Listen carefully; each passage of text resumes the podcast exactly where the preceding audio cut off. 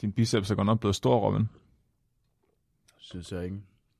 Og du smiler. Er. Du synes også lidt, den er stor. Det, det deler mig, det er sådan helt uproportionalt. Lille. Nej, du er sådan ligesom øh, skibet skræk, bortset fra, at du har ikke stor underarm, du har bare stor overarm. Åh oh, nej. Jeg, jeg kan ikke lave mig selv, når du ikke giver mig så meget berøm.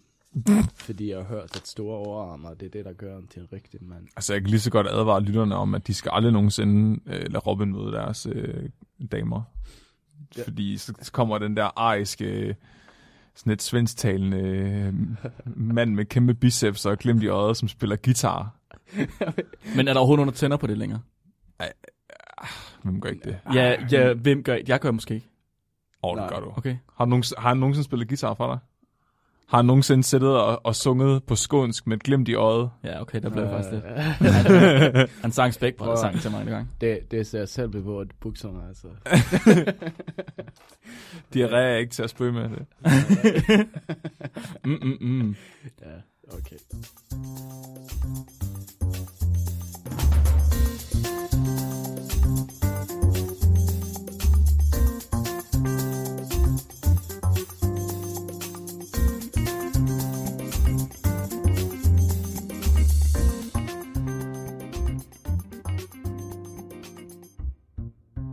Velkommen til Spækbrættet, din bro til vanvittig videnskab, hvor vi forklarer videnskab, så alle kan forstå det.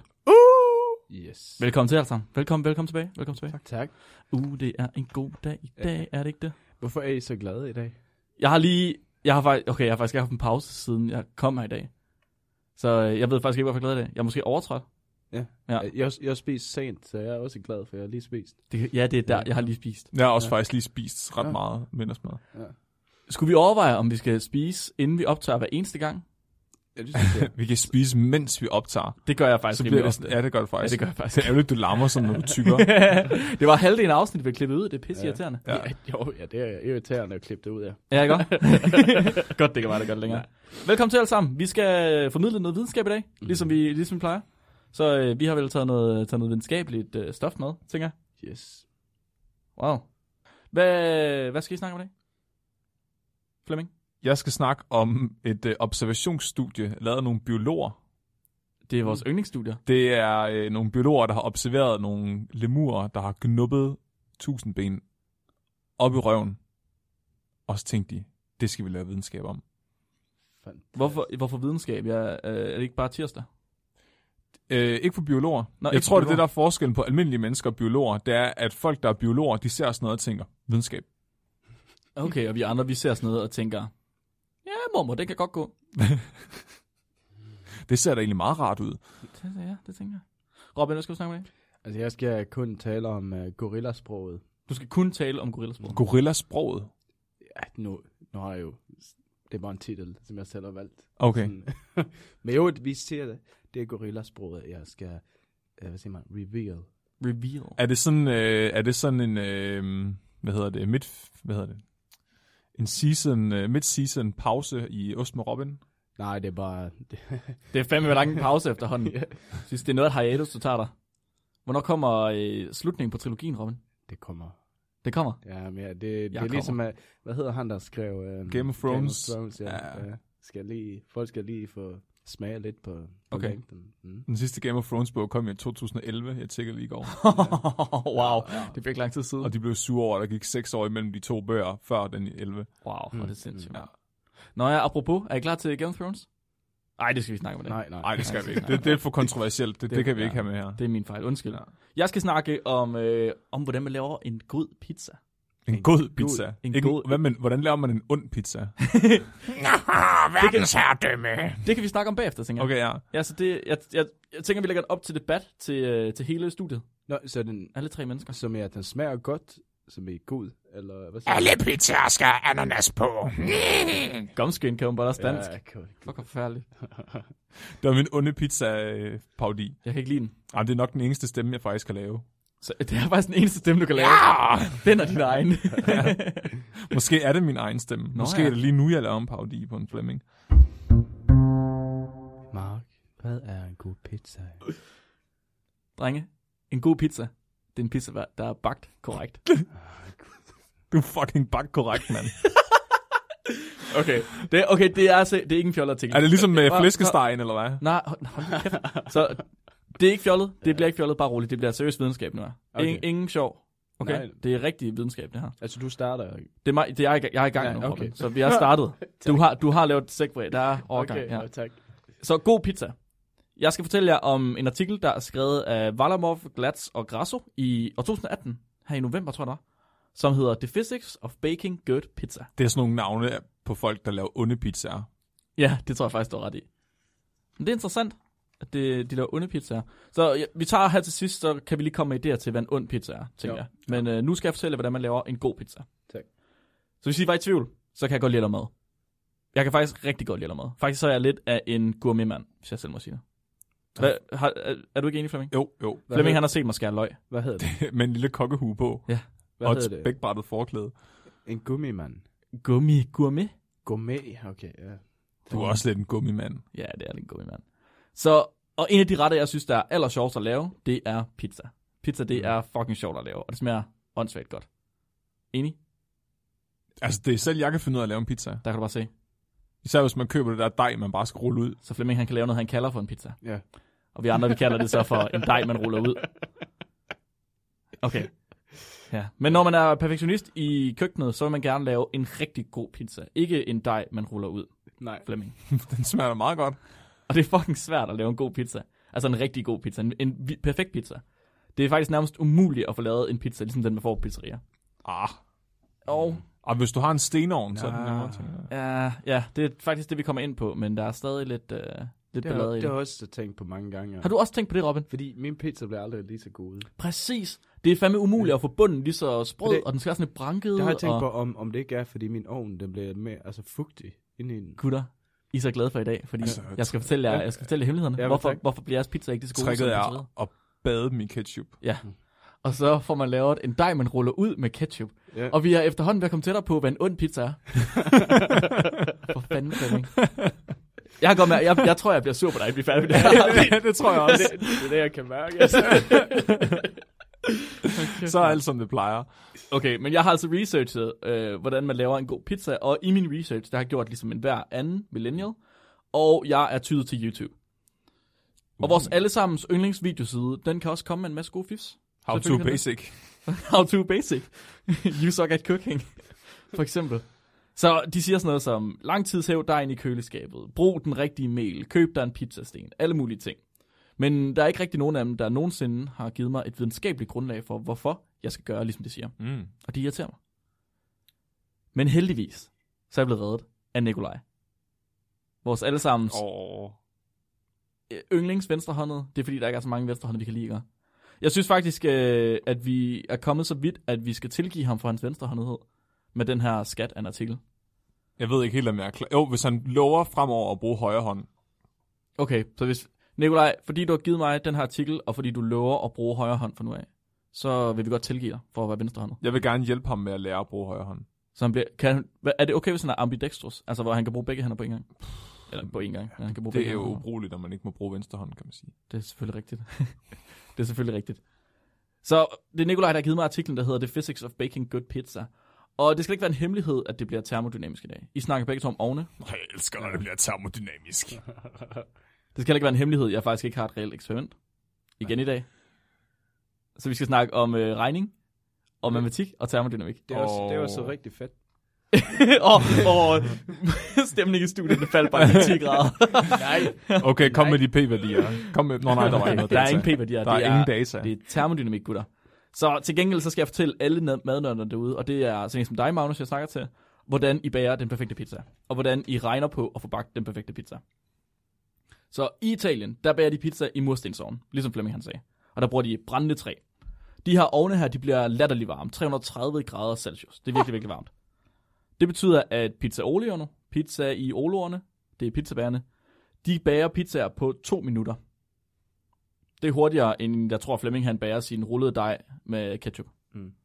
Det, det er det faktisk. Ja, ikke? I Rom, der kan ovnene faktisk blive varmet helt op til et sted mellem 400 og 425 grader Celsius. Du kan lave keramik i dem, mand. du kan lave keramik i dem. Du kan kremere din bedstemor, altså. Du kan kremere din... Hvorfor vil du det? Er det, okay, det er en ny ingrediens på en ond pizza.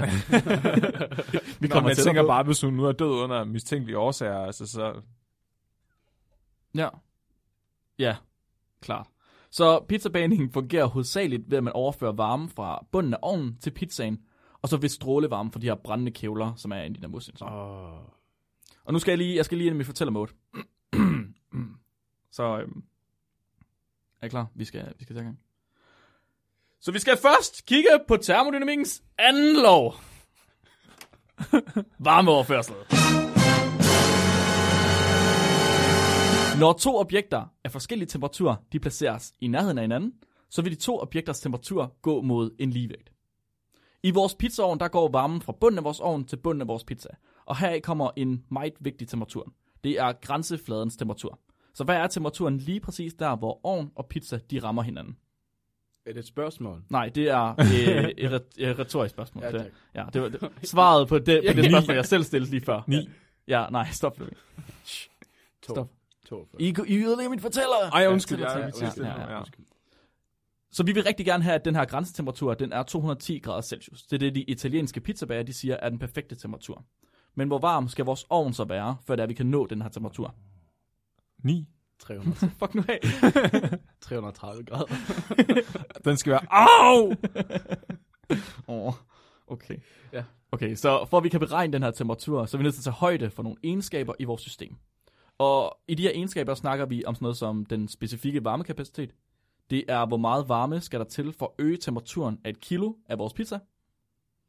Vi snakker om densiteten af vores pizza.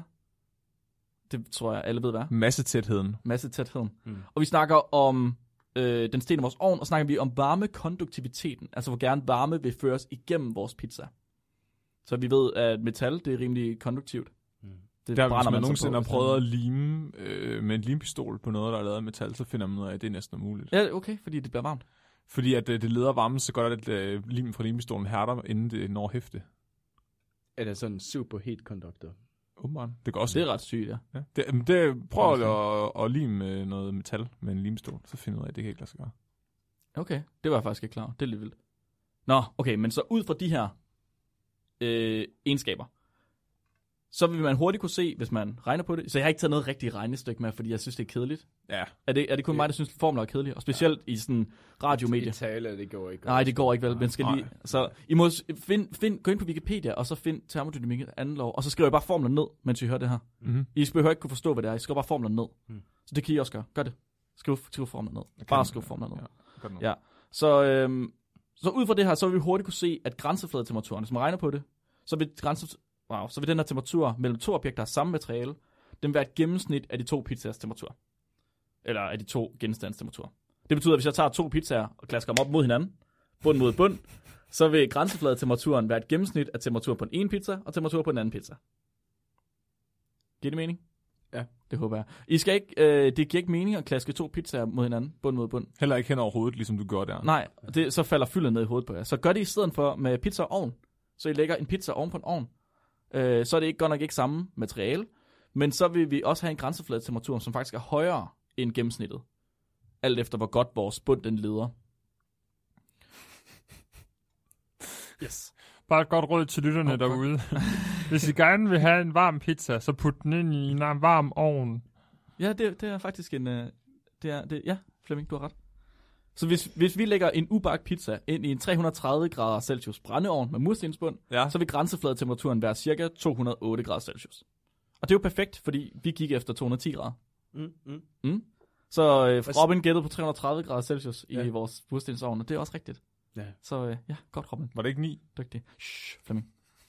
Hvis vi til gengæld gør det her i en elektrisk ovn, som I også har, og vi endda har købt sådan en lille pizzasten af stål, eller et eller andet, der er lavet af stål, ikke? Så vil grænsefladetemperaturen være 300 grader Celsius. Det er ret højt. Ja. Det er faktisk for højt. Det er faktisk så højt, at øh, forfatteren til artiklen, de skriver, That is too high. It will turn to charcoal. Nå, så, så det er restet pizza. Ja, så, det, ja, så får man simpelthen brændt pizza. Ja. Så hvis ovnen, den er, hvis, hvis øh, man bruger stål, så bliver det for varmt. Og så får man brændt pizza. Nå, åh. Ja, ja, ja. Nå, Ah. Men hvad gør vi så i den her ovn, hvor vi har en stålbund? Hvad? Har, har, du, har du spørgsmål, Robin? eller? Nej, men du sidder og tager noter. Det Nej, er sgu da fedt. det gik op for mig, at vi har jo en sådan plade, og jeg ved ikke, hvorfor vi har den, men Har hun, I det? Men hun, øh, jamen, hun, hun lægger i pizzaen på den plade, jeg har aldrig tænkt, hvad fuck gør du det for? Hvem hun? Er det ja, hun, ja, jeg bor sammen med. Ja. Hun, hun, hun, han bor sammen med. Vi- Fru Robin. Vi deler Fru- adresse. Nå. men men øh, er det, nu går det op for mig, hvorfor? For det får mig den temperatur, når det kan også ja, ja, ja, ja.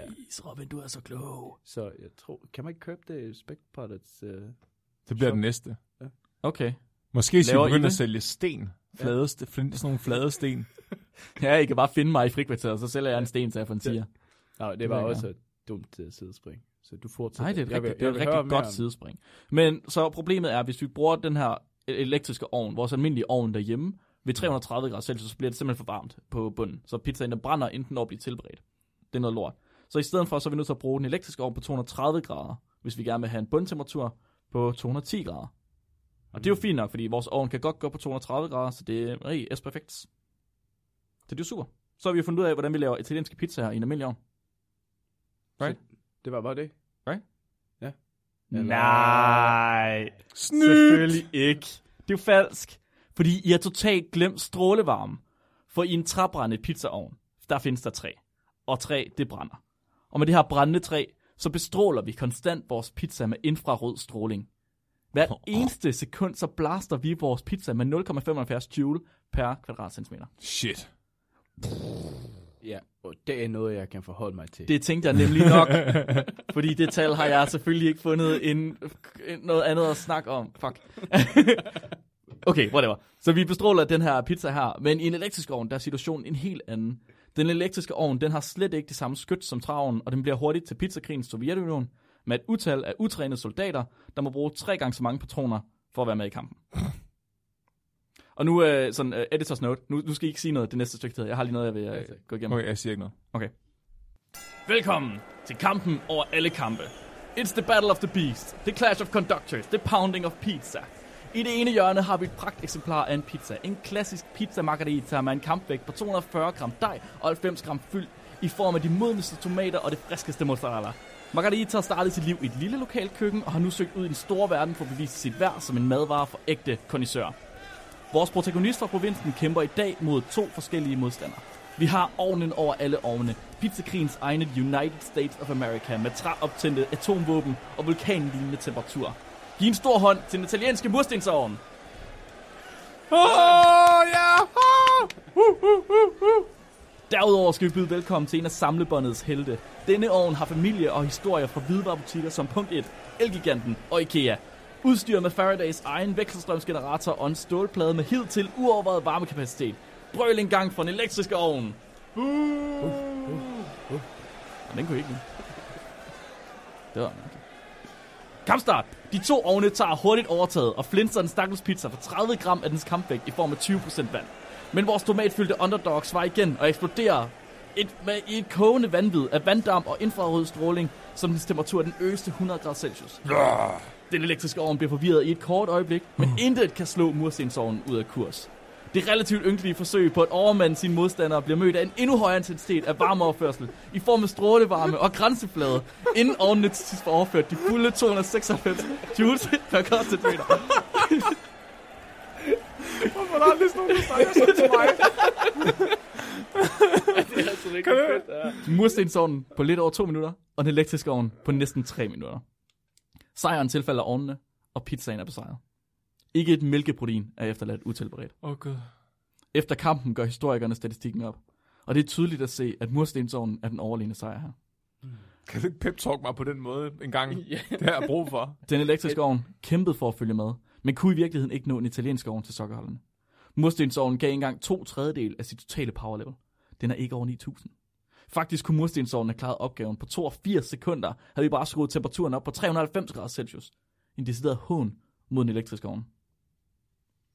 Hvis vi vil lave ægte italiensk pizza, så må vi tage højde for to ting. Varmeoverførsel ved bunden af pizzaen, og strålevarme for ovnen. Mm, skal vi så. Ja. En elektrisk ovn med en bund af stålplade vil nemt kunne øge temperaturen af vores pizzabund til de ønskede 210 grader Celsius, men det vil simpelthen bruge for lang tid og for meget energi på at koge vandet i pizzaen. Hvorimod en murstensovn vil skulle varmes meget op, før det er den når til den ønskede grænsefladetemperatur, men til gengæld har den en helt uovertruffen infrarød stråling til at tilberede pizzaen opfra. Tak. Det var altså...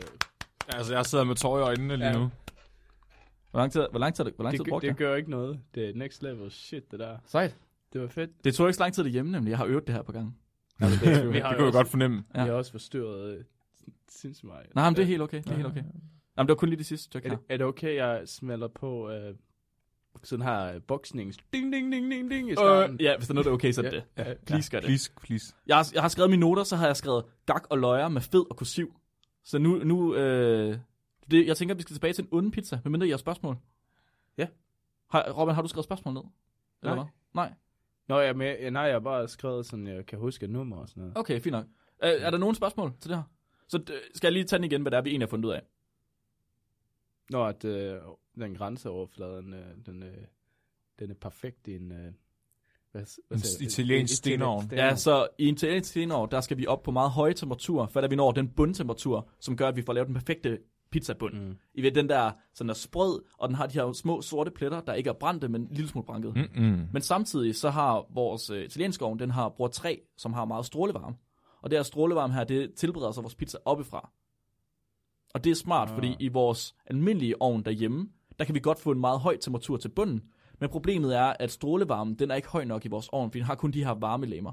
Mm. Den har ikke øh, strålevarme fra træ i stedet for. Og pizzaen, den skyder faktisk selv igen med strålevarme, fordi den kommer op på 100 grader Celsius. Det er sejt. Kan man ikke bare elde sin ovn derhjemme? Og man kan ilte den. Ja, Kan man ikke lave bål inde i Ja. sin ovn? Nå, jo jo, det tænker jeg nok. Men så, så skal bålet skal være over pizzaen. Nå. Fordi strålevarme skal komme ovenpå. Ja, ja, ja. Så i en italiensk pizzaovn, der har du bålet ved siden af pizzaen. Faktisk. Ah. Så får du strålevarme fra bålet og ned på toppen af pizzaen. Mm. Den reflekterer på det. Ja, lige I præcis. loftet, eller siger man det? Yes. Mm. Det er smart. Jeg har aldrig tænkt på, at det var det, det altså at det materialet pizzaen ligger på, der afgør, øh, hvis den bliver pro eller ej. Jo, det er nemlig også rigtig meget. Det er derfor, man får sådan noget som pizzasten. Mm. Fordi- ja, det er det, det hedder. Yes, lige præcis. En pizzasten er nemlig som regel keramisk eller Ja. lavet af stål. Ja. Og de keramiske, de fungerer bedre, fordi de ligner mere de her murstensovne, Ja. Oh, som de har i Italien. som også. Ja. Mm-hmm. Er det, det er jeg glad for at høre, Mark. Ja, så øh, hvis I skal lave en ægte italiensk pizza, så er I nødt til at bruge en italiensk pizzaovn, og I kan ikke gøre det i jeres egen ovn derhjemme. Så øh, det var min konklusion. Bum. Det er umuligt for jer at lave en god pizza. Ærgerlig, ærgerlig. Flemming, hvad er en ond pizza? Jamen, jeg sidder lige og tænker over det. Jeg skulle lige finde nogle noter frem. Ja. Øhm, jeg tænker simpelthen, at en ond pizza, det er en pizza med ananas på. Ja. Ja. Og jeg har fakt, okay, så jeg har, Ej, og, og, det, og det vil, jeg- jeg vidste, du ville sige det der, Robin, fordi jeg har en liste. Og den her liste, den har jeg lavet på i fire år nu. Okay. Beviser på, at Robin i virkeligheden er satan. er det rigtigt? Nej, er det rigtigt? Punkt 1, Prøv, nej, du er nødt til at dreje din computer, så jeg kan se det rigtigt. den er ikke så lang. Okay, men du har... Jeg har Google Docs dokument. Nej, det er rigtigt. det er fandme sandt. Okay. Punkt 1. Han piller bananerne fra bunden af. Punkt 2. Af alle studiejobs vælger han at blive parkeringsvagt. Men nu kommer den værste, og det er punkt 3, og det er, det er citeret direkte fra Robins egen mund her. Ananas på pizza, øh, air quotes, gør ham ikke noget. det har han sagt. Fuck, Det kan godt være, han sagde det for 3,5 år siden, men han har sagt det. Har du skiftet mening siden? Nej. Robin, hvor er det i Sverige, at de laver bananpizza? Hvor? Ja. Bananpizza. Er det hele Ej, Sverige, det må man eller er det kun i ikke. Stockholm? Det er det gode. Det er det bedste. Banan på pizza? Prøv, prøv lige, Robin, fortæl lige, hvordan, øh, hvad, hvad man- nummer 17 i øh, Mamma, Mamma Mia Nej, i, det øh, kan man ikke. Hvis så tager man uh, sådan oks, oksfilet, og så er det uh, banan og jordnødder, og sådan banasauce, tror jeg. Er, er der banæssauce på? Ja, Ja. Er det rigtigt? Ja, så det er rigtigt. Banan og jordnødder og banæssauce. Ja. Og oksefilet. Ja. Fuck, det er synd for den oksefilet. Hvor, Ja. hvor, hvad... Ej, jeg er faktisk lidt... Jeg Nu er godt- jeg, nu er jeg faktisk Jeg kan smage godt det. se, at de svenske pizzaer er noget helt andet end dem, jeg har i Danmark. Det er ligesom, ja, man, fordi de er fucking ødelagte. ja, så kommer man ind på sådan en tankstation og skal have en hotdog, og så er det bare sådan en... Så er der fucking fiske sovs ovenpå, altså sådan noget, Hvad sker der, mand? sådan noget rejsalat, altså øh, ovenpå pølsen. Ja, det er også... Ja. Det er det ikke. Men det er noget andet. Men jo, jo det, Noget andet. ja, det er også, uh, også kartoffelmosen. Ja. Det kan man vælge, om man vil have sådan en rejs, uh, rejsalat eller kartoffelmos. Nogen tager det hele. På, på en hotdog. Altså, vi bliver nødt til at til sommer at tage til Helsingborg med Robin og så Prøv lige at lukke røven. Hvad siger du til mig? Kan man få en hotdog med kartoffelmos, eller rejsalat, eller begge dele? Jamen, så får man en sådan her tallerken-agtig.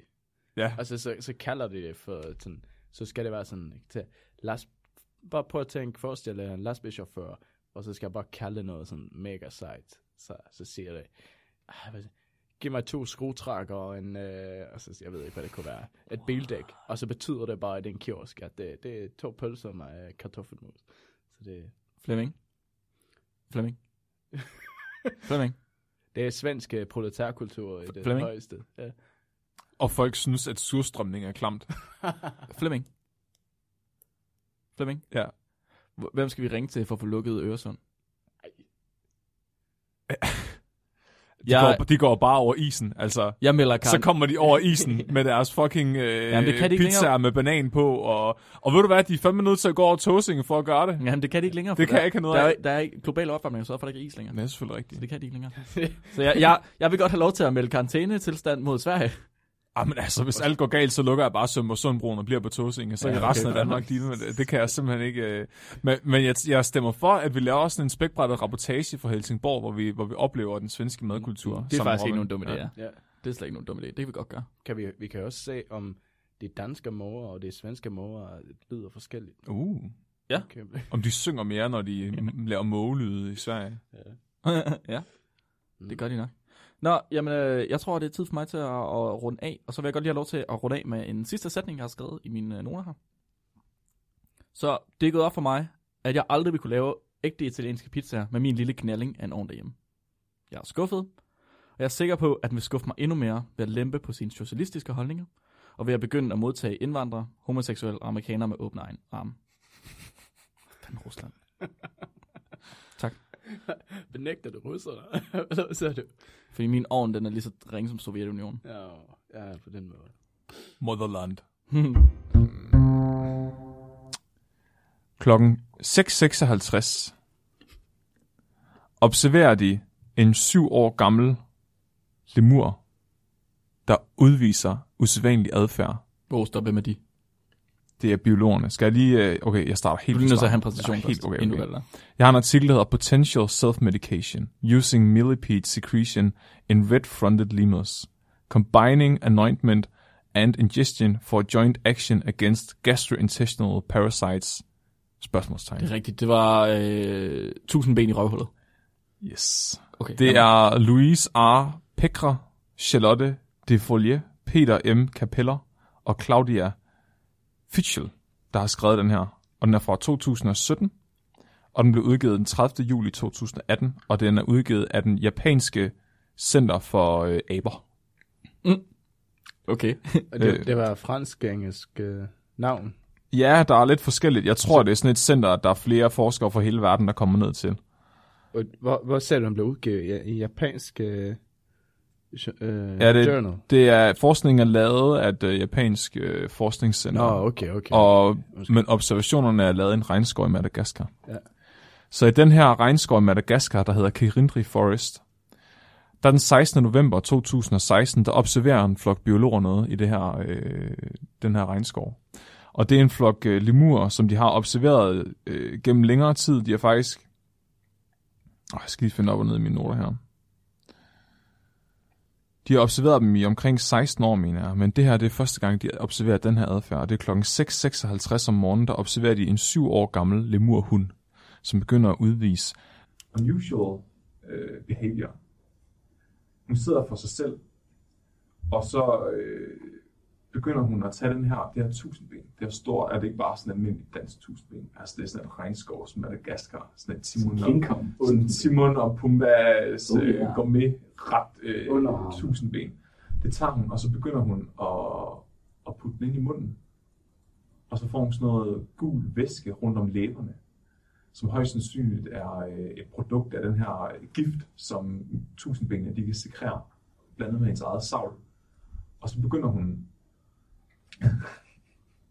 While sitting on the ground, she rubbed her tail and genital and perianal region with both hands with quick jerking movements. She then briefly placed the millipede she was holding in her left hand in her mouth. Figure 1A. Removed it immediately with the right hand and continued with the rubbing movement. Figure 1B.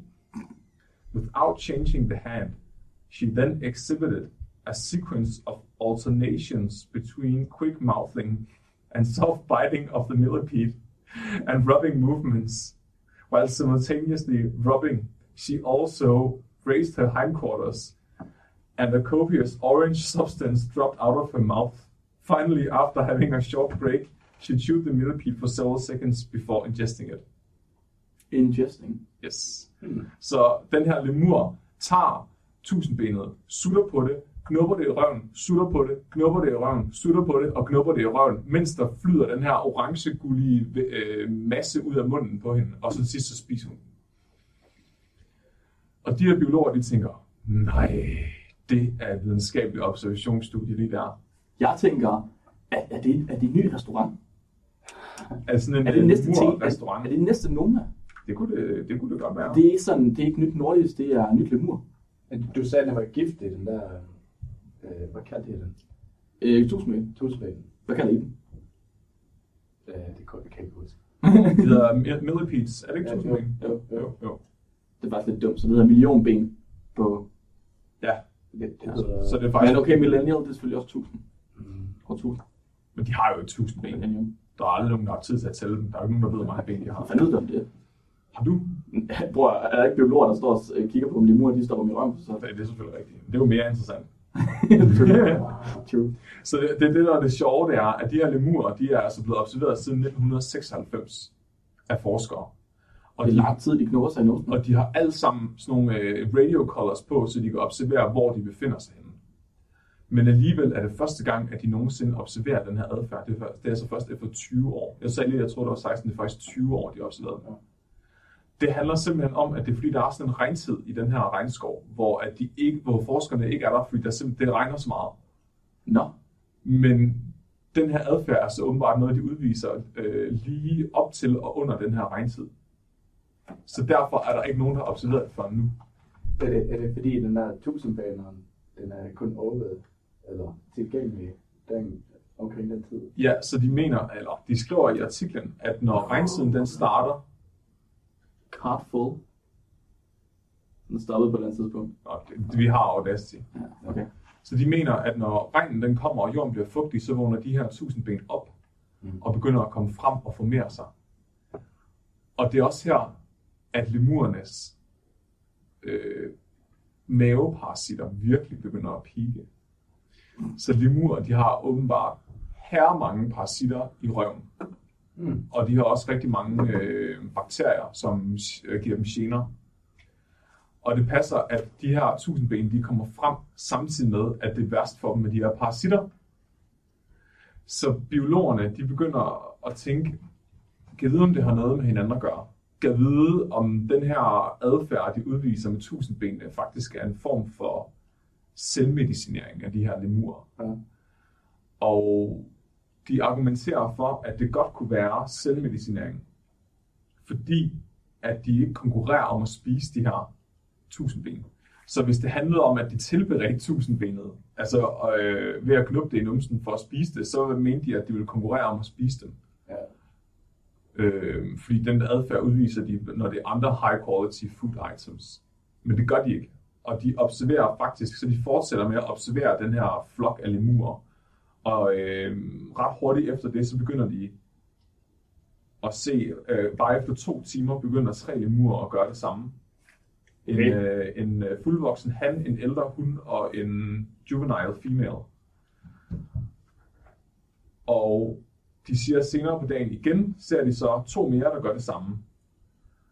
Og de mener så, at det er den der orange substans, der bliver formet inde i munden på lemurerne, som er øh, den medik... Altså, hvad hedder det? Øhm, Salve. Ja, det er ligesom sådan en form for salme, fordi de her øh, tusindben, de udsk- udskiller den her gift, men når den bliver blandet med deres spyt, så bliver den faktisk nedbrudt til et stof, som har antimikrobielle egenskaber. Øhm, og det hedder... Mm, okay, så tusindbenene, de hedder Chiseleptus, also known as the giant millipede. Så hvis man vil google dem, så kan man se, at de er herrestore. Så det her stof, det bliver til 2-metyl 1,4 benzokion. Hvad siger du til det, øh, Mark? Så er det 2,4 benzakion. Ja. Og 2 metoxy 3 metyl 1,4 benzokin. Så det, det er sådan en sulfat-ting. Ja, så de, be- reaktivt. Ja. ja når, de bliver, når de bliver fordøjet, så bliver de meget reaktive imod DNA, lipider og protein. Så det er ligesom det, der giver det dets toksiske egenskaber. Men når lemurerne så sutter på dem, så mener forskerne så, at de begynder at få de her egenskaber, inden de kommer ind i fordøjelsessystemet. Giver det mening? Igen. Så det, der gør det toksisk, det er, at de her stoffer, når de bliver nedbrudt, så begynder de at, at, at reagere med DNA og lipider og proteiner og Og nedbrudt. det bliver så nedbrudt i saliven. I selv. Ja. Sim. Ja, Mm. så de mener, at når de så knupper den her orange salve, som er det her øh, øh, toksin, der ligesom bliver nedbrudt, så vil det begynde at have antimikrobielle virkninger og dræbe parasitterne i deres Nej. tarm. Nej, nej, er det rigtigt? Ja, Parasitter eller bakterier? begge dele. Mm. Så Okay. det er både parasitter og mikroorganismer.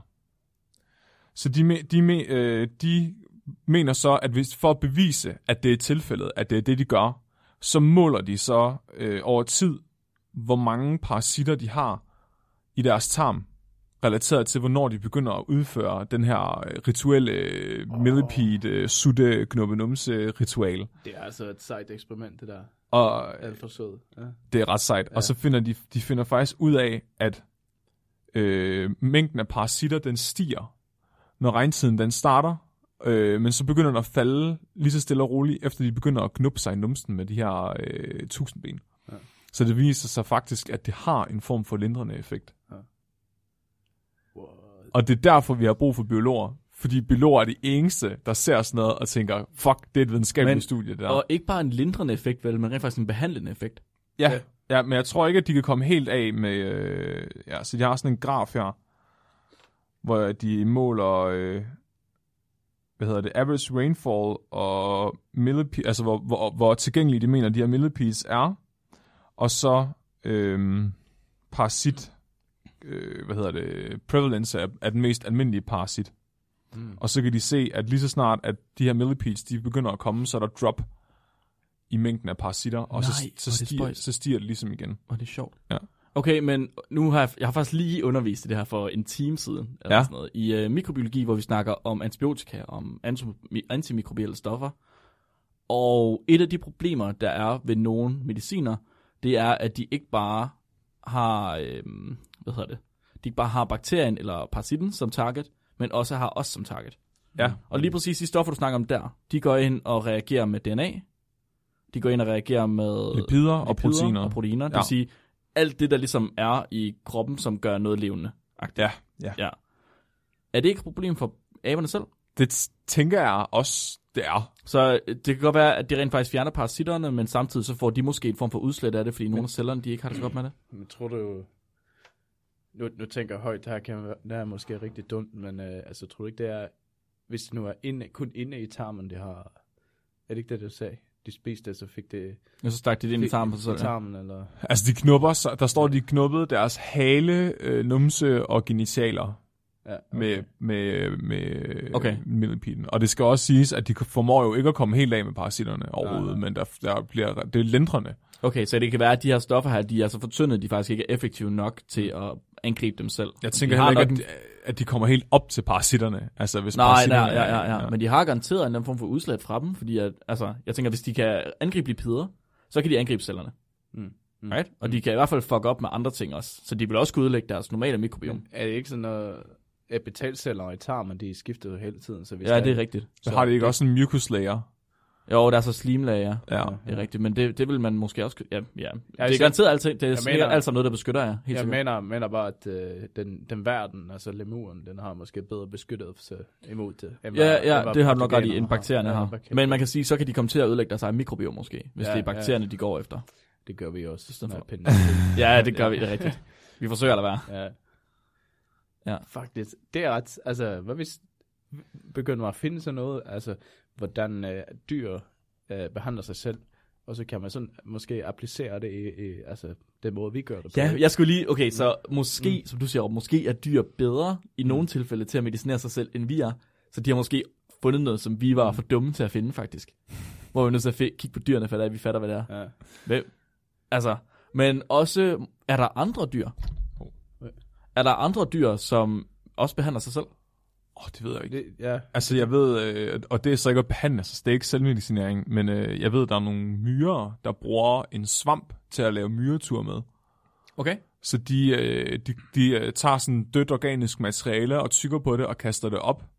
Og så laver det, så får det sådan en øh, betonagtig konsistens, og så er der sådan en svamp, der gror i det, der efterlader sådan et, øh, en hård proteinskal af det her organiske materiale, sådan så de faktisk øh, bruger sådan en symbiotisk forhold med den der svamp til at lage og sådan bygge ting med. Ja, ja, ja, så det, ja, det bliver nærmest deres form for cement. Ja, men, men, ja, men om, altså, andre tilfælde af, at, at man sådan intentionelt bruger et eller andet fra naturen til, til sin egen fordel, det kan jeg ikke komme i tanke om, hvad det ellers skulle være.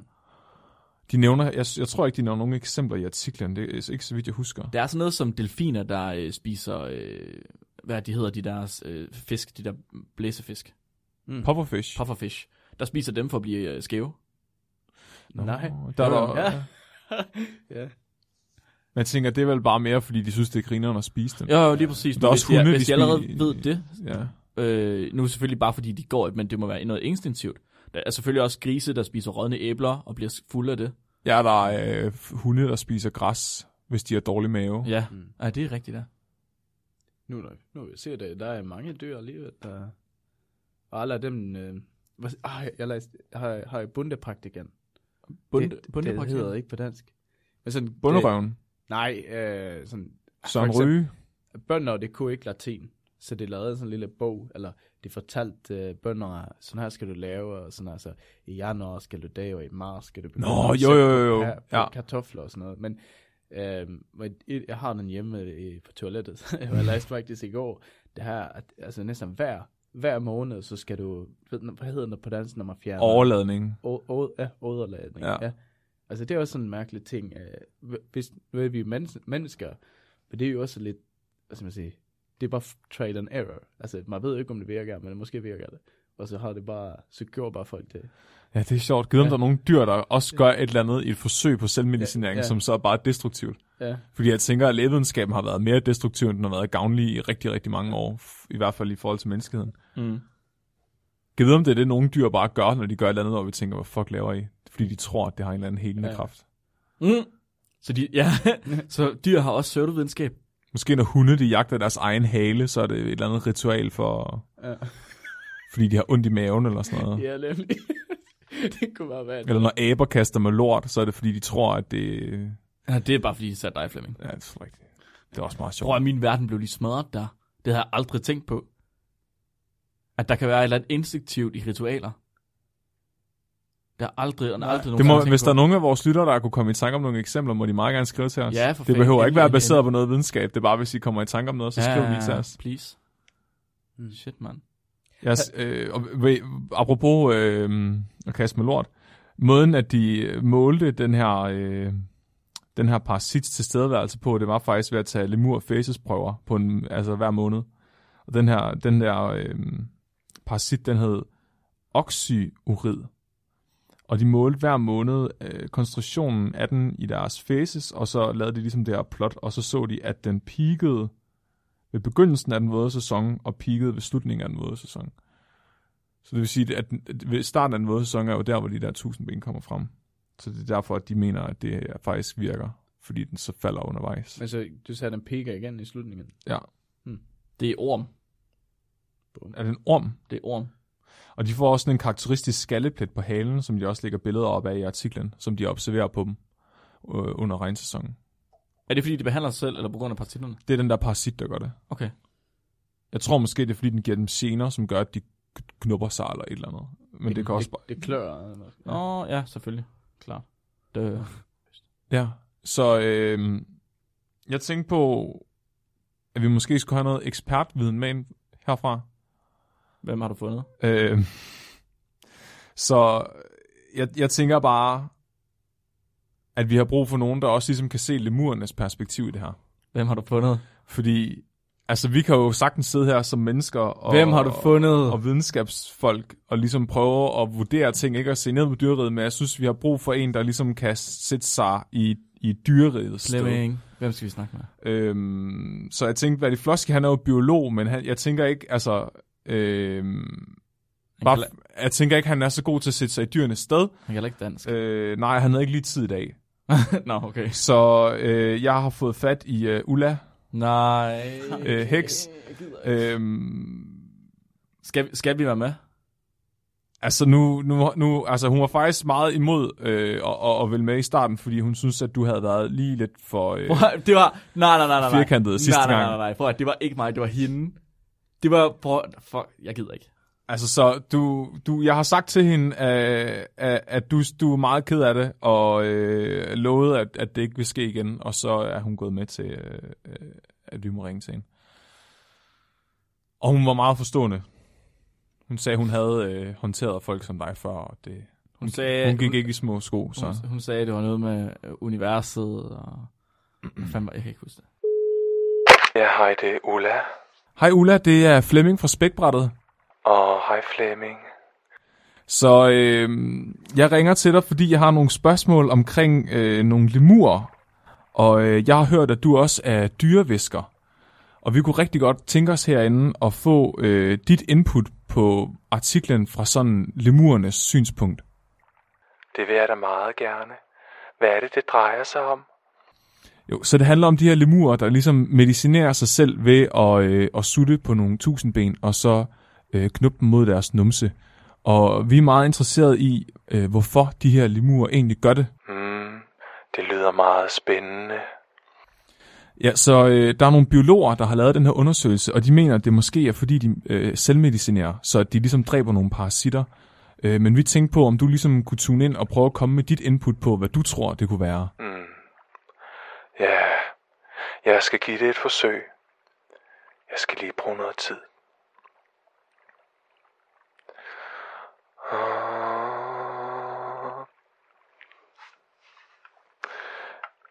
Jo, det er rigtigt nok. Mm, ma, ja. Uh, uh, uh, uh, uh. Jo, Flemming, nu skal du bare høre.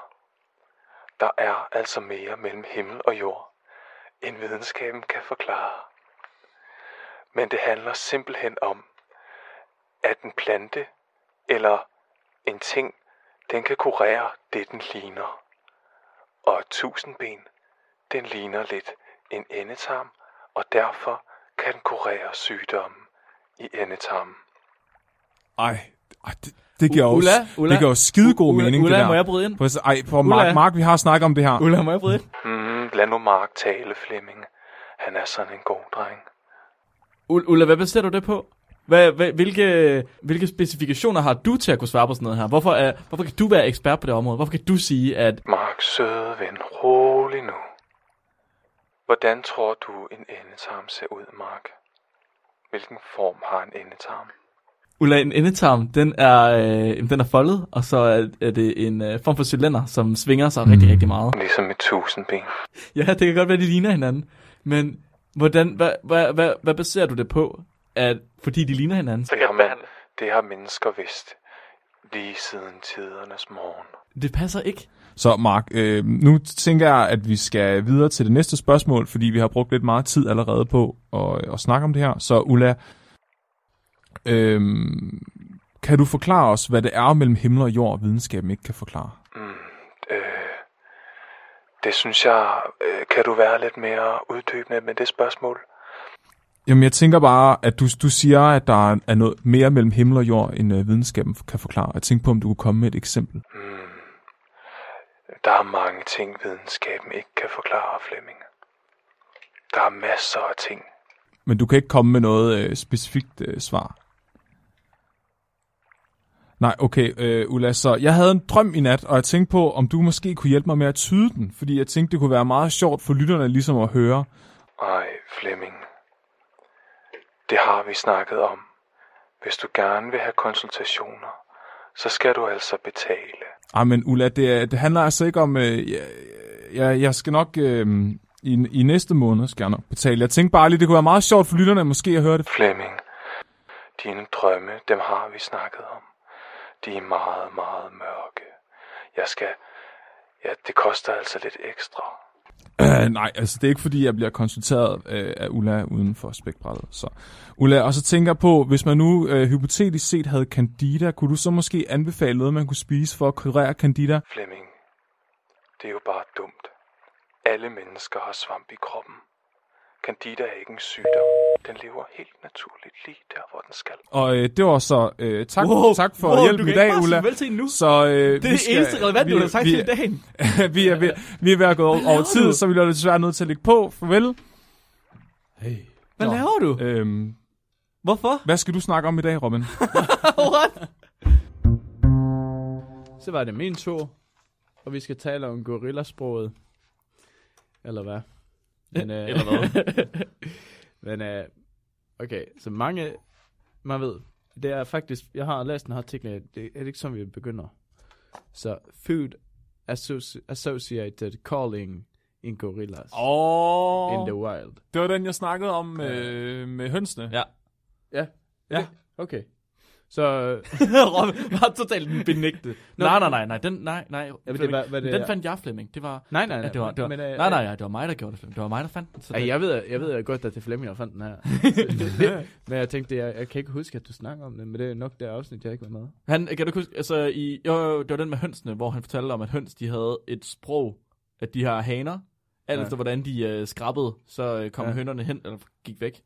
Nå, Og så ja, sagde ja. han, at man havde fundet noget lignende ved gorilla, eller i hvert fald havde fundet andre Ja, ja, ting ved ja, gorilla. ja. Men jeg kan ikke huske, om du havde det med i afsnitterne, bare Nej, om ja, det. ja, jeg kan sagtens snakke om den i dag. Nå. Jeg, name, jeg name-droppede den bare. Nå, ja, ja, okay, ja, ja. det er godt. Men øh, altså, så man ved, at øh, så mange fugle og pattedyr laver lyd fra sig, når det som bliver introduceret for, for mad. Øh, og enten når det sådan faktisk spiser det, eller når det sådan kigger på det -agtigt. Og det her lyd, så kalder man inden for videnskaben øh, nogle gange for Food Associated Vocalizations. Øh, og hvis man oversætter det til pærdans, så kan man nok sige lyd, der kommer fra en stemme, når der er mad omkring den. Ja, nemlig. nemlig. så, så, øhm, så, så forskellige, forskellige, øh, øh, lad os sige, forskellige madlyd kan sådan øh, øh, give forskellige informationer. Det er som, ligesom forskellen mellem øh, et lyd som mm, og et lyd som så, Er det brændte pomfritter, du har der? Ja. Var der forskel på de to? Jeg elsker brændte pomfritter. altså, Brændte pomfritter. Så man kan jo sige det her lyd, og man siger, eller man siger, "Hur." det, det er sådan, det, det er sådan, at man annoncerer for, for mad, maden. Det her smager godt, det her smager dårligt, og det kender vi også. Og det, så, men blandt menneskeaber, så nu kigger vi kun på menneskeaber, øh, øh, og ikke på os selv, så vi, vi, vi er også menneskeaber, øh, os mennesker. Sådan primates, eller... Nej, primates er jo, Kan man godt sige menneskeaber på dansk? det tror jeg, det Ja, hedder. Kan man det? jeg tror det hedder. Det- menneskeabe, det er Eller, jeg tror, jeg, jeg oversatte det til The Great Apes. Så. Mennesker. Ja, Great Apes. Ja, ja. Men øh, det, det kan jo også være, men det er dem, der ligner os mest. Ja. Ja, så, så, men blandt de menneskeaber, så har man så fundet ud af, at øh, når, det, når de laver madlyd, så kan det sådan give information om, øh, hvor, meget, hvor meget mad der er, øh, og madens kvalitet, og madens øh, mulighed at blive opdelt. Um, kan, forstår du den der? Ja, og man kan dele den. ja, Ja. ja. Sådan, eller til hvor mange man kan. Nå, okay, er med. Jeg, er ja, okay. Mm. jeg troede, det var sådan noget som, kan man holde øh, majs for sig, og holde ærter for sig. ja, så det- en ærte, to ærter. Nej, men også sådan, så ærterne ikke rører ved sovsen. Gud, er du en af dem? Nej, nej, nej, nej, nej. nej. Jeg Jeg har en af de der tallerkener med sådan nogle rum i. Rum i. Nej, du ved godt, hvordan min tallerken ser ud. Ja, det er rigtigt nok. Min tallerken, det er sådan krater af alt muligt, der er blandet Det sammen. ligner bare ringe svingerklub om onsdagen. Altså. ja, præcis. Grad. Hey. Ja, okay, men det, det, det meste af studier omkring menneskeabernes madlyd, kan vi kalde dem, har blevet gjort på chimpanserne. Og så har man så opdaget, at chimpanser faktisk varierer sine madlyd for at angive specifikke fødevarer. Kan man sige det sådan? Ja. Altså variationer, der sådan kan forstås af lytter omkring det. What vil det sige, de har et råb, når det er, de får agurk, og det andet råb, når ja. de får vindruer? Ja. Det er ligesom hønsene. Det var også, øh, der gokkede Nå, vildere, ja. at maden var god. Det er rigtigt, ja. Det kan Ja. jeg huske, ja. Så, nemlig, så, så noget med derfor, at det her, jeg kalder for madlyd, men øh, er så begyndelsen på, hvor man inden for, nu, nu gætter jeg bare, hvad det hedder, med evolutionslingvistik, øh, måske noget, de måske vi kalder for referencetale, altså lydsignaler, der, der signaler, der henviser til specifikke objekt eller hændelser. Oh, så man kan lave sådan en ordbog. Ja, agtigt. ja. Og det virker sådan, at, øh, til at der er mere variation blandt madlyd end andre lyd hos chimpanser.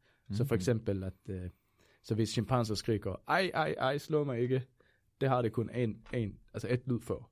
Men hvis det er mad, så kan de sådan, æble, eller brød. det har altså forskellige. så, De er så kloge, som nogle aber. Hold da. op. men det er faktisk, øh, så, så, så derfor tænker man jo, øh, at hvis man nu fik, øh, hvis man bare fik en bedre indblik i menneskeabers madlyd, så vil man måske finde en ny måde at undersøge det menneskelige sprogets oprindelse. Altså en ny, Mm. en ny type af forskning. Mhm. Sådan. Og så, hvorfor nøjes med chimpanser, når der også findes goriller? Ja, hvorfor? Så det var min korte, korte introduktion af, ved, ved I hvorfor? Det var historisk, ja. Okay. Så, Ni. Lige, ja. Godt, Flemming. Så, så, Du fun, i dag. så fun fact, uh, gorilla, det er græsk, og det betyder for, eller det, det stammer fra det græske sprog, og det betyder behårede kvinder. Er det rigtigt? Det er rigtigt, og det var, det var en sådan her, en, hvad kalder man, en sødmand, sejler, mm. sådan en explorer, der hed Hanno. Det var 500, før, 500 år før Kristus, så det er et godt stykke tid siden. Og han rejste langs, øh, altså kysten langs Afrika, det var sådan Kart- Kartago, hvad hed det? Den, Øh, Cartago? øh, ja, det var sådan øh, en, et imperie back then. Øh, det er lige meget. Det var, det var sådan omkring... Øh, Ja, okay. Og det er så længe siden. cares? Men, og my, uh, side note. Gorillaen blev først officielt opdaget som art i 1902. ja, okay, ja, men, Indtil da, der var et mytologisk væsen. Er det rigtigt? Ja. Er det rigtigt? Ja. Det skal komme til det, fordi øh, Nej. han rejser rundt øh, langs, øh, langs kysten på vestkysten af Afrika, og så kommer jeg, ja, jeg kender, øh, der er i midten og sådan. Øh, så, og, og, og så, så fanger det, eller fik det det her øh, gorillaer, troede det, fordi de, de kunne ikke, eller fandt de her kvinder, og de kunne ikke tale med dem. De gik ikke snakke med dem, og det bare bed dem og rev dem. Så til sidst så, til sidst så dræbte de dem, og tog skinnet af, og skrev historien, altså, og så skrev ned historien sådan her. Det er sådan, man gør med ja. kvinder, hvis det går efter. Men ja. og, det, og det er også, med, også, det er også derfor, uh, hvad skal man sige, altså, men det er også mest troligt, at det var chimpanser, de mødte jo. Mm. Fordi goriller, det lever i mere ind, ind af landet, ikke ikke langs kysten. Ja. Så. Men en anden sjov ting om goriller, uh, eller gorillaer, eller sig, sig, Ja, ja, sig ja. det engang, Gorillaer. gorillaer, er, at det synger og hummer, Mm. som i la la la la la la la la la la Lalalala. Menneskers... øh, Na, Ja. na, na. Nej. Og, og Nej. det gør det, det gør det så, hvornår? Når de spiser... Nemlig, eller Flemming. Mennesker spiser, menneskeaber æder. Æder. Er det ikke, som man siger? Min far, han sagde altid til mig, Flemming, mennesker æder ikke, Flemming spiser. Flemming spiser. Og så sagde jeg, Flemming spiser. God dreng. Men de her feltbiologer ville så, det vi finder ud af øh, fire ting. Og så, så vi ser, en er madrelateret opkald, altså madlyd, i gorillaer strengt relateret til fodring, eller forekommer det i andre adfærdsmæssige sammenhæng også? Er der noget spørgsmål der? Det vi også finder ud af, at to er, er fødevareassocieret opkald ensartet fordelt på tværs af alder og køn. 3 er fødevare, fødevareassocierede opkald i fodringskontekst produceret som svar at fodre på specifikke fødevarer. Altså, og det er de der fødevaretyper, de spiser som blad, frugt, frø og insekter. Altså, er der nogen forskel på, om, om det frugt, det synes, det er godt, eller insekter, det er ikke lige så godt? Ad. Spiser de frugter? Ja, det og, så, og så øh, er der samtidig indkaldelser i forbindelse til fødekilden, altså sådan, kalder det på hinanden, Ah, øh, råber der det. er mad her. Kom nu, maden, maden er Ja. klar. Sådan. Så det var det, det vi, øh, det vi finder ud af. Og så, så samlet set, der er jo undersøget om, om forholdet mellem gorillaer og matrelaterede opkald til kontekst. Så den her studien, så fulgte man dagligt efter to gorillagrupper i Centralafrika, hvorpå man samler, hvorpå man samler data ind. Fra 7 om morgenen til, til halv fem om aftenen, mellem juli og september 2012. Det er sådan to-tre måneder. Mm-hmm. Og jeg kiggede så data igennem, og der er altså en af hundrede af det, der er blevet døbt til Ugly. Wow. Ja. Og hun, hun blev også ekskluderet fra studien. Shit. Fordi hun var grim. ja, ja, ja, det, det vil jeg også, det, Det synes jeg ikke er Det må man ikke. Det er rimelig anti. Du er for grim til videnskab. men, men det var noget om, at hvor tammer det her øh, øh, gorillaer var imod mennesker. Fordi den ene af grupper havde forskere fuldt fra, altså fuldt, øh, fuldt efter, eller fuldt, hvad siger man? Oh, den ene af grupper havde forskere fulgt øh, siden øh, 90'erne, altså 1990. Og den anden gruppe havde dem sådan, så den gruppe havde så fuldt, siger man, fuldt, vendt sig til mennesker. Ja, de har vendt sig til. Ja, det vender sig til mennesker. Så det er sådan en 5 og 5 på en særlig skala, der er udviklet for det her endemål. Den, det kunne derfor optage lyd, sådan mellem 7 til 10 meter væk fra, fra grupperne. Uh. Mens den anden gruppe, øh, så har forskere kun fulgt siden øh, 2008, og derfor kunne det kun optage lyd fra 8 til 12 meter væk. Og, og det, hun der ugly, hun var sikkert en af de nye hunder, der ikke havde vendt sig, vendt ah, sig ved mennesker ja. endnu. Så. så, og når man så arbejder, øh, når man sådan, har man bare arbejdet en lille smule med lyd, så ved man, at det er meget, at der er meget baggrundsstøj, der bare samles op, selvom man ikke vil have det der. Og det er sådan, det er det, det her feltbiologer, der, det her feltbiologer skal så optaget. Hvis det var rigtig gode, så optog det fra 7 meter. Og det skal så optage, når gorillaer øh, både synger og hummer. Det vil have det her lyden jo. Mhm. Mm-hmm. Øh, men det er bare det, det, det, var, det gør det rigtig, rigtig, altså meget lavt. Så man kan næsten ikke høre det. Nå, okay. Så det, det var sådan, at, øh, og plus, det gør det, mens det spiser. Så det smasker samtidig. Det smasker, og, og, og så bevæger det sig i det her tørre bladene. Det er Er det derfor, du smasker så højt? Det er for at skjule, at du nynner? Ja. Nej, jeg nynner sgu da ikke skjult, mand. I kan da høre mig, når der er. Det er som sådan et lille barn, når man sidder og spiser.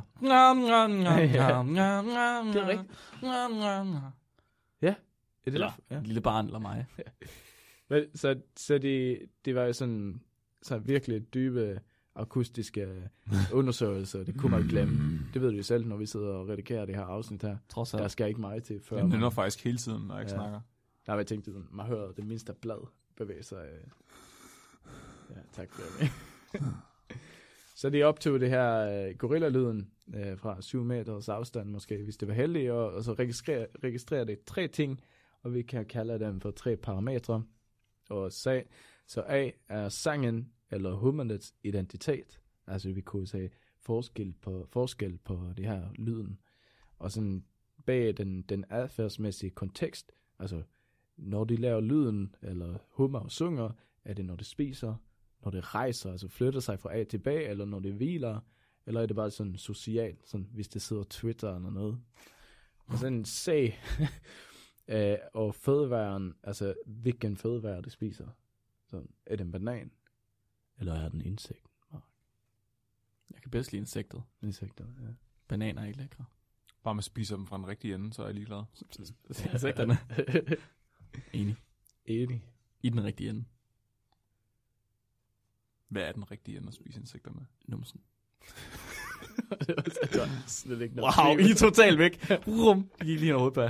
Men, men øh, er det ikke sådan, jeg gad godt være feltbiolog, altså bare sidde i skoven, eller junglen, sådan der, og kigge på gorillaer, Ja. og optage... Jeg skulle fandme ikke inden for 7 meter af en gorilla. Oh, nej, okay, så nu, nu kan jeg lige, jeg kan lige se overskriften på, din, øh, Ja, ja. på den der. Kan du ikke lige, hvad er det for en gorilla? Ah, det jeg kigger på. Nå, det er gorilla G, gorilla. Det er gorilla, gorilla, gorilla. Nå, ja. Er det, er det det, det hedder? Ja. Okay, ja. Ja. ja. Fordi op, det er ret nyt, tror jeg, øh, eller ikke, men først så sagde man, at det kun fandt en, en art, gorilla-art. Men så har man delt det op de to, fordi der er en, der laver i vest, Ja. ja. uh, lowland, og så en, der laver lidt mere uh, åt, uh, Det hedder altså bjerggorillaer. bjerggorilla. Så- så der er- High, der- Highland, Nu jeg er lige på Wikipedia, så det er der, Ja, jeg har ja. min kilde fra. Det er fordi jeg ved det her. Jeg er ikke, jeg er ikke biolog, bare rolig. Ja. Men der er to øh, hovedarter af gorillaer, som hedder vest- og østgorillaer. Ja. Og øh, vestgorillaen hedder gorilla gorilla.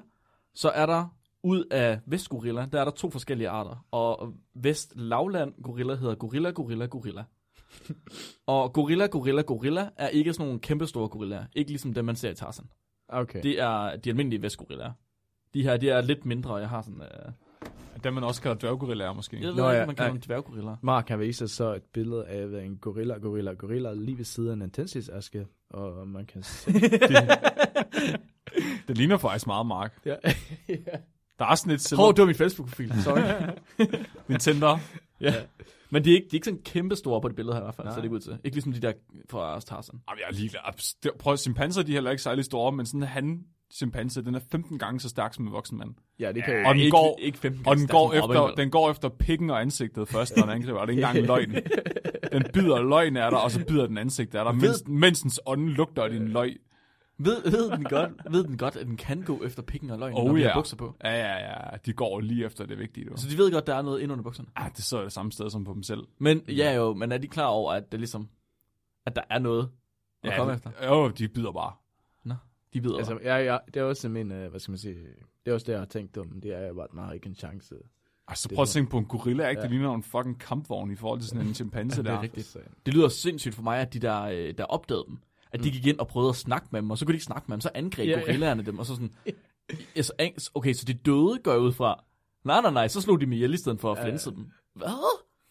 What? det er ret Hvordan er de ikke døde af at blive angrebet af gorillaer? mennesker, de var anderledes dengang. Ja, ja. Altså, i dag, der bliver man jo fornærmet over en højskolesang, ikke? Dengang der var der bare sådan, Åh, og grav det med en gorilla, der blev min arm af, og det var træls. Så tog jeg skyd, skød den. Men der har jeg også tænkt over det her med, at man, man kigger på mænd i dag, og så ser man bare, alle, alles overarmer, det er bare tynde som, som tændstikker. Det er ikke alle, der har en biceps, ligesom... Øh, Ej, ligesom Nej, mig. jeg, ikke, ja, men hallo. mig, mig selv inkluderet. Altså, vi er bare, vi er bare små. Altså, det Hvad er fanden har sådan, du forventet? At vi kan jo ikke være meget større, end du ligesom er. vi arbejder, vi, som mennesker, vi vi, arbejder større? ikke mere jo. Og vi er også meget mere følsomme, ikke? Altså, fanden ja. er det for noget? Ja. Jeg græd, da jeg så Sex and the City-filmen 2 i går, altså.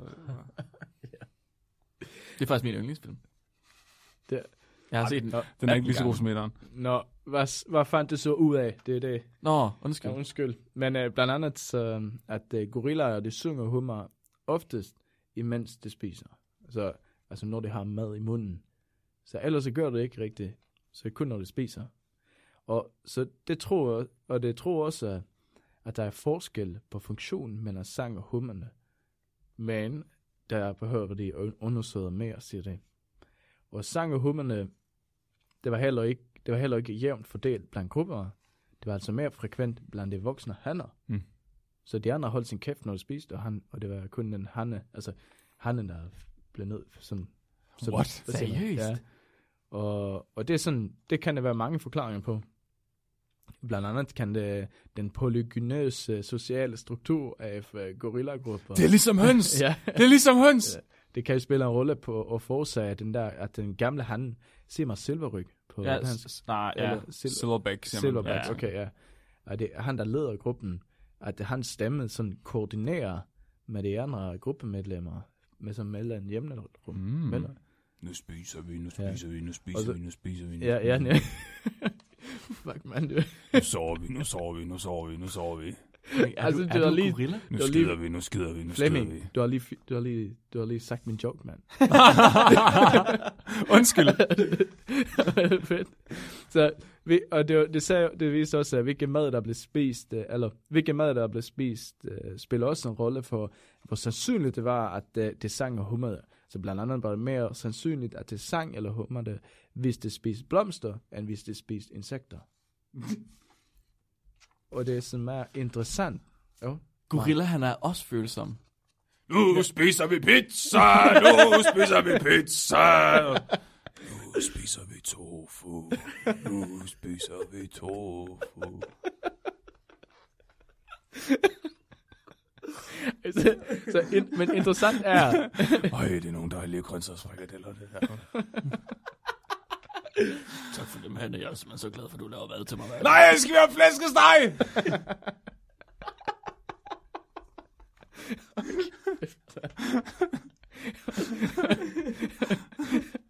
og, okay, interessant er, at det laver det her madlyd så tyst, så man tror ikke, at de prøver at fortælle alle gorillaer omkring dem, altså omkring en to kilometers radius, at, der er lige, at det er mad lige her, som chimpanser gør. Eller som dig, Flemming. Flæskesteg!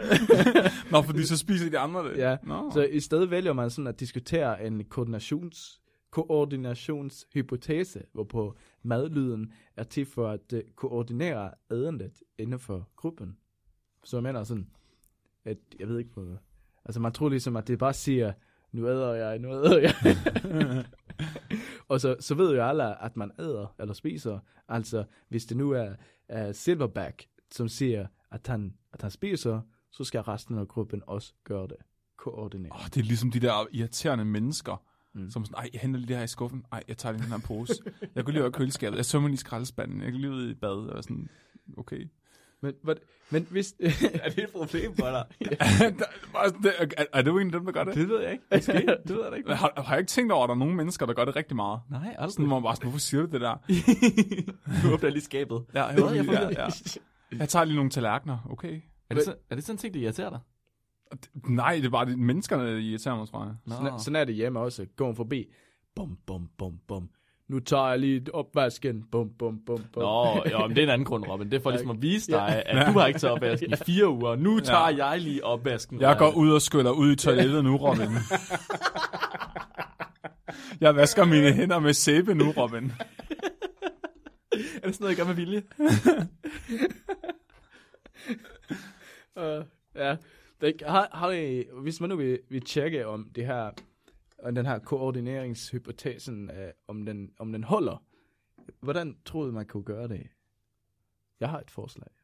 Og, øh, øh, øh, øh. Man spiller lyden for dem og ser, om de begynder at æde. Det, okay, det har jeg. Den, jeg læste en, en anden artikel også. Okay, okay. Um, Ni. mm, mm, mm. Man vil gerne se, om koordineringstingene virker. Det betyder, at alle reagerer på det, som han siger, Ja. Eller Ja. ja. hvornår man siger det. når man siger det. Hvad hvis man prøver at sætte andre til at sige det? Så man sætter en ja. anden gorilla til at sige det, og så ser om de også reagerer på det. Hvis man kan det. Det ved jeg ikke, om man kan. Det er ikke sikkert, de vil. Det vil de bare nægter.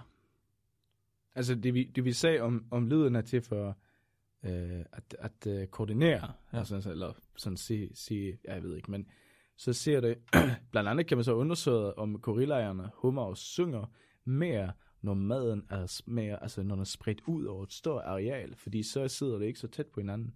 Så bliver man nødt til at sige, kom her med den champignon, og kom her med den der, altså kom nærmere, ikke? Men hvis det er sådan, hvis det er mad, der er koncentreret, jeg ved ikke, for eksempel øh, en, en bærbuske, simpelthen, så, så sidder det ikke så langt væk fra hinanden, så måske, så hummer det måske ikke lige så meget. Så rækker man bare ind over, fordi man er Ja. super uhøflig. Ja, nu ved, nu ved jeg, hvor jeg sidder hen. Ja. Sådan, ja. Det kan jeg godt se. Så det, så det, men det disku- diskuterer også, øh, altså det argumenterer mod den her koordineringshypotesen, fordi så det diskuterer det, om det er sådan her, jeg kalder den for, jeg må godt hypotesen. Altså det faktum, at nogen, nogen mad fik dem at synge og humme mere end anden, ty- tyder måske på, at det har sine præferencer, og vi derfor fortælle det, som når man spiser noget rigtig, rigtig godt, når man er rigtig sulten. Jeg spiser flæskesteg! Altså, så det er bare sådan, de, de, de får sådan små svar. Øh, de stod der, de samler data ind, og så brugte det her R, R Studio. Uh. Øh, men øh, så det virker så til, at mens mange andre primater bruger deres madrelaterede opkald til at advære andre, så bruger gorillaer og chimpanser deres til at informere det øvrige gruppemedlemmer, at det stadig spiser. så, Så det er forskellen på chimpanser og gorillaer. Ja. Det er, chimpansen er den der sådan lidt behjælpelige, sådan, "Nå, prøv at se herovre, der er noget god mad, Ja, og sådan, vi gør lige det her, og sådan, gorillaerne er mere sådan, jeg spiser lige mad. Jeg henter den her pind. jeg læste... Øh, Jeg skider. Chimpansen er, der er godt at skide derovre, Henning. Der, jeg har da gravet et hul. Og Henning, han står sådan der, jeg skider i hul. Jeg, jeg, jeg læste en, øh, en, øh, det refererer til en artikel, når de sagde det her med, at de chimpanser, de, de havde forskellige lyd af de forskellige mad. Ja. Og det var sådan, det var øh, på et zoologisk have i Edinburgh, så lavede man en test, hvor man havde to træer.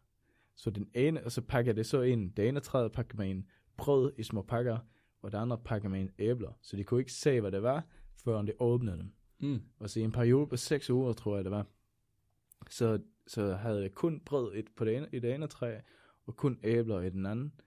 Og åbenbart så er det som, at chimpanser, at de elsker brød, og elsker ikke æbler lige så meget.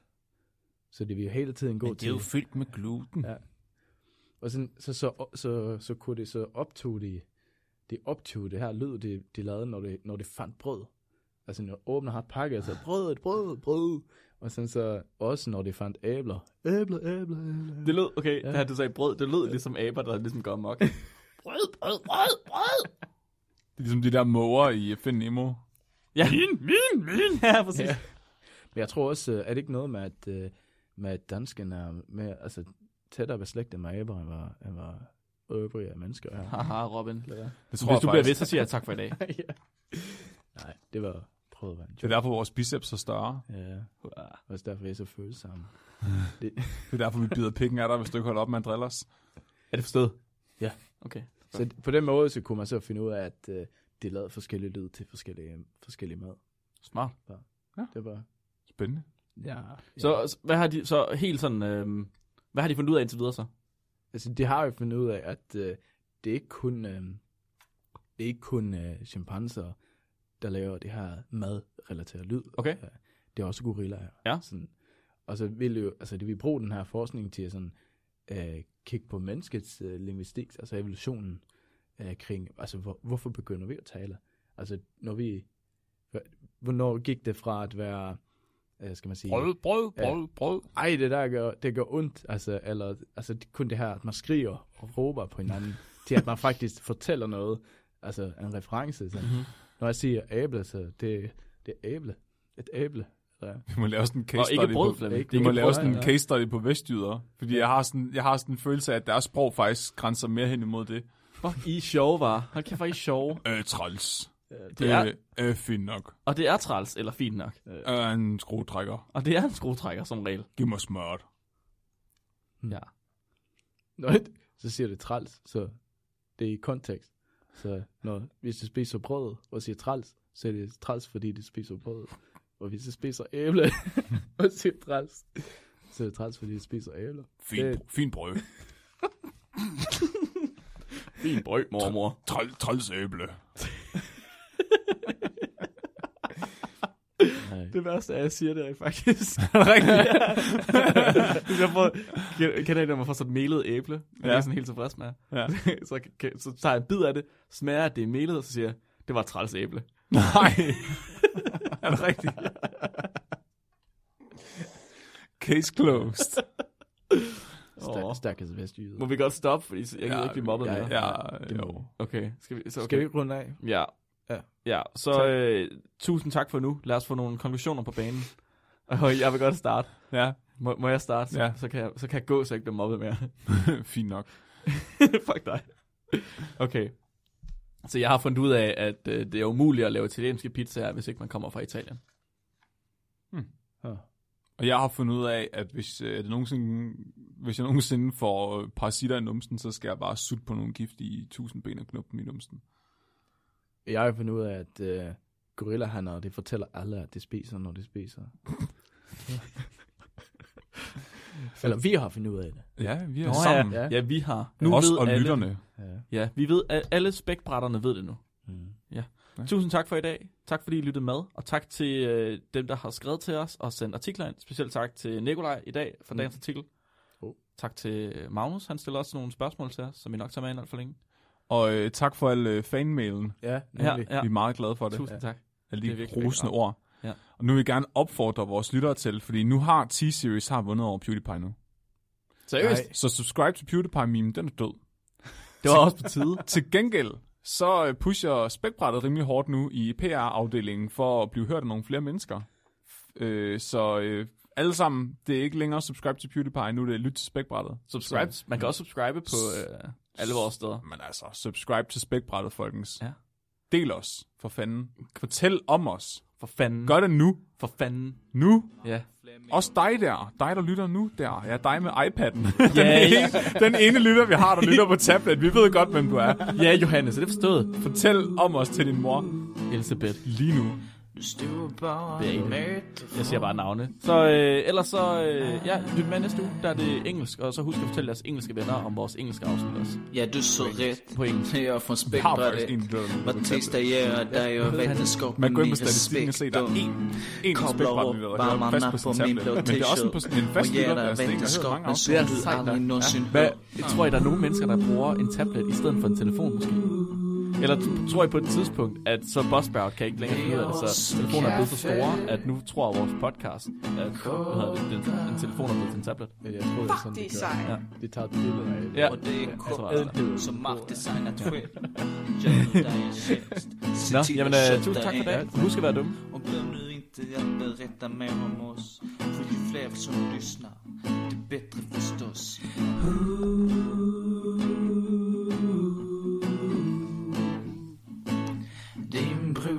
ægteskab mm-hmm. Spækbrættet Ja, yeah, ja yeah.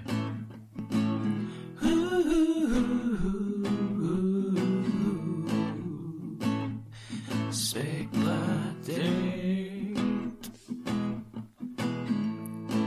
Spækbrættet